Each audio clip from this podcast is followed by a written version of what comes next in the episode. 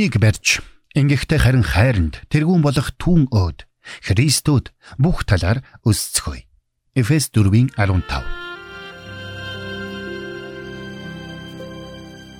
Мэргэний сонсог мэдлэгэд хэлэг. Ухаалаг нь мэрэгэн өдрөмжийг мөн авах. Доктор Харалт цаалогийн мэрэгэн зөвлөмж нэвтрүүлэг.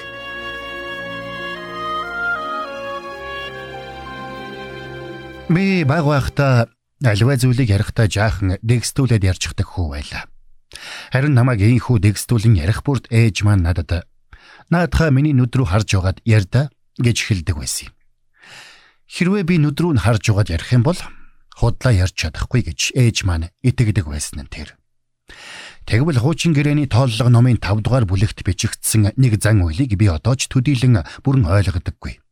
Тэр хуулийн дагуу хэрвээ нөхөр нь эхнэрээ үнэнч бус байсан гэж хардвал түүнийг майхан сүмд авчрах ёстой байжээ.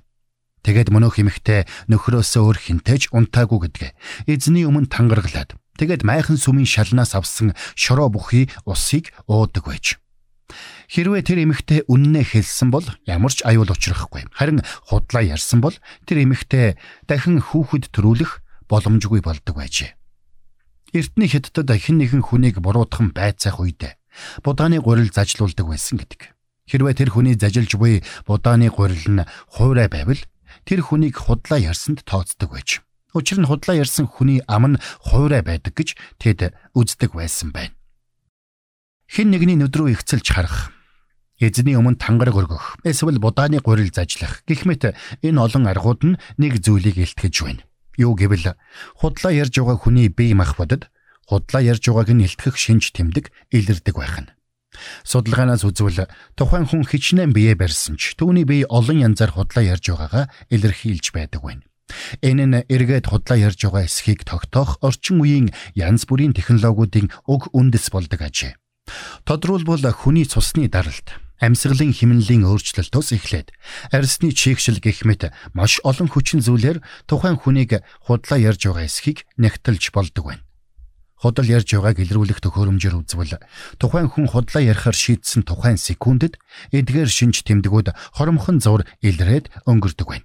Харин гэмт хэрэгт буруутгагдж байгаа боловч тухайн хэргийг үйлдэггүй хүний хувьд тодорхой хэмжээний стрессийг мэдэрч байдаг ч ялгаатай нь аливаа асуултад үннээ хэлж байгаа учраас тухайн мөчөд шийдвэр гаргаад худлаа ярьж байгаа хүнээс өөр байдаг ажээ.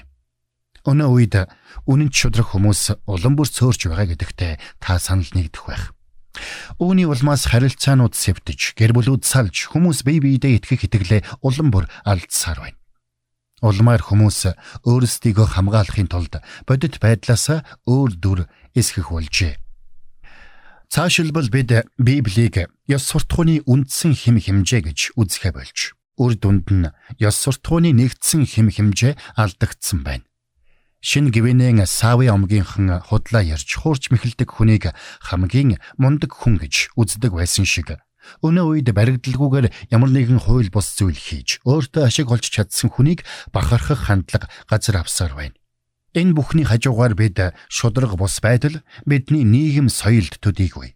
Хов хүмүүст ямар хор хохиролтой болохыг бүрэн ойлгож ухамсарлаж чадаагүй байна. Тиймээс Христэд итгэгчид бидний хувьд үнэн шудраг байдалд онцгой ач холбогдол өгөх хэрэгтэй байна. Бид хэлсэн үгэндээ хүрдэг баймаар байна очно гэсэн цагтаа очдөг баймаар байна. Хэлсэн л бол ам өгсөн мэт хийдэг баймаар байна. Учир нь ийм байж чадахгүй бол бидний нийгэмд эргэлзээ, тэнэгэлзэл, үл итгэл, тодорхойгүй байдал газар авсаар байх болно.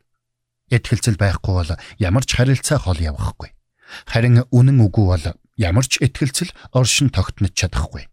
Улс орныг, албан байгууллагыг, сүмж шуулганыг гэр бүлийг удирдах байгаа хүн үнэн шудраг байж чадахгүй бол тэр газарт тодорхойгүй байдал үл итгэлцэл газар авч хямрал нүүрлэх болно.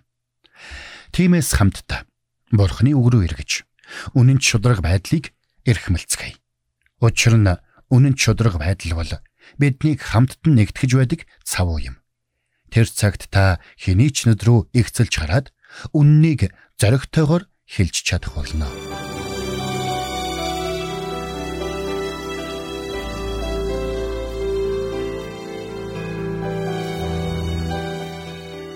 Мэргэн нэгнийг дагуул мэргэн.